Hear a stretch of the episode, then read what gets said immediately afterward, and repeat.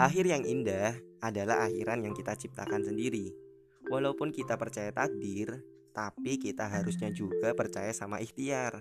Kita ditakdirkan gak sukses bukan berarti takdirnya yang salah. Tapi jangan-jangan ikhtiar kita yang kurang maksimal. Mulai sekarang coba kita renungi. Sudah seberapa maksimal sih kita ikhtiar? Dan sudah seberapa maksimal kita usaha coba?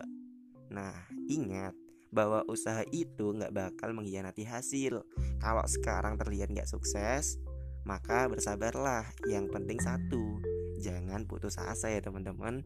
Karena apa? Karena putus asa adalah kunci dari sebuah kegagalan. Maka dari itu tetap semangat dan tetap istiqomah dan selalu untuk berusaha dan berikhtiar. Oke? Okay?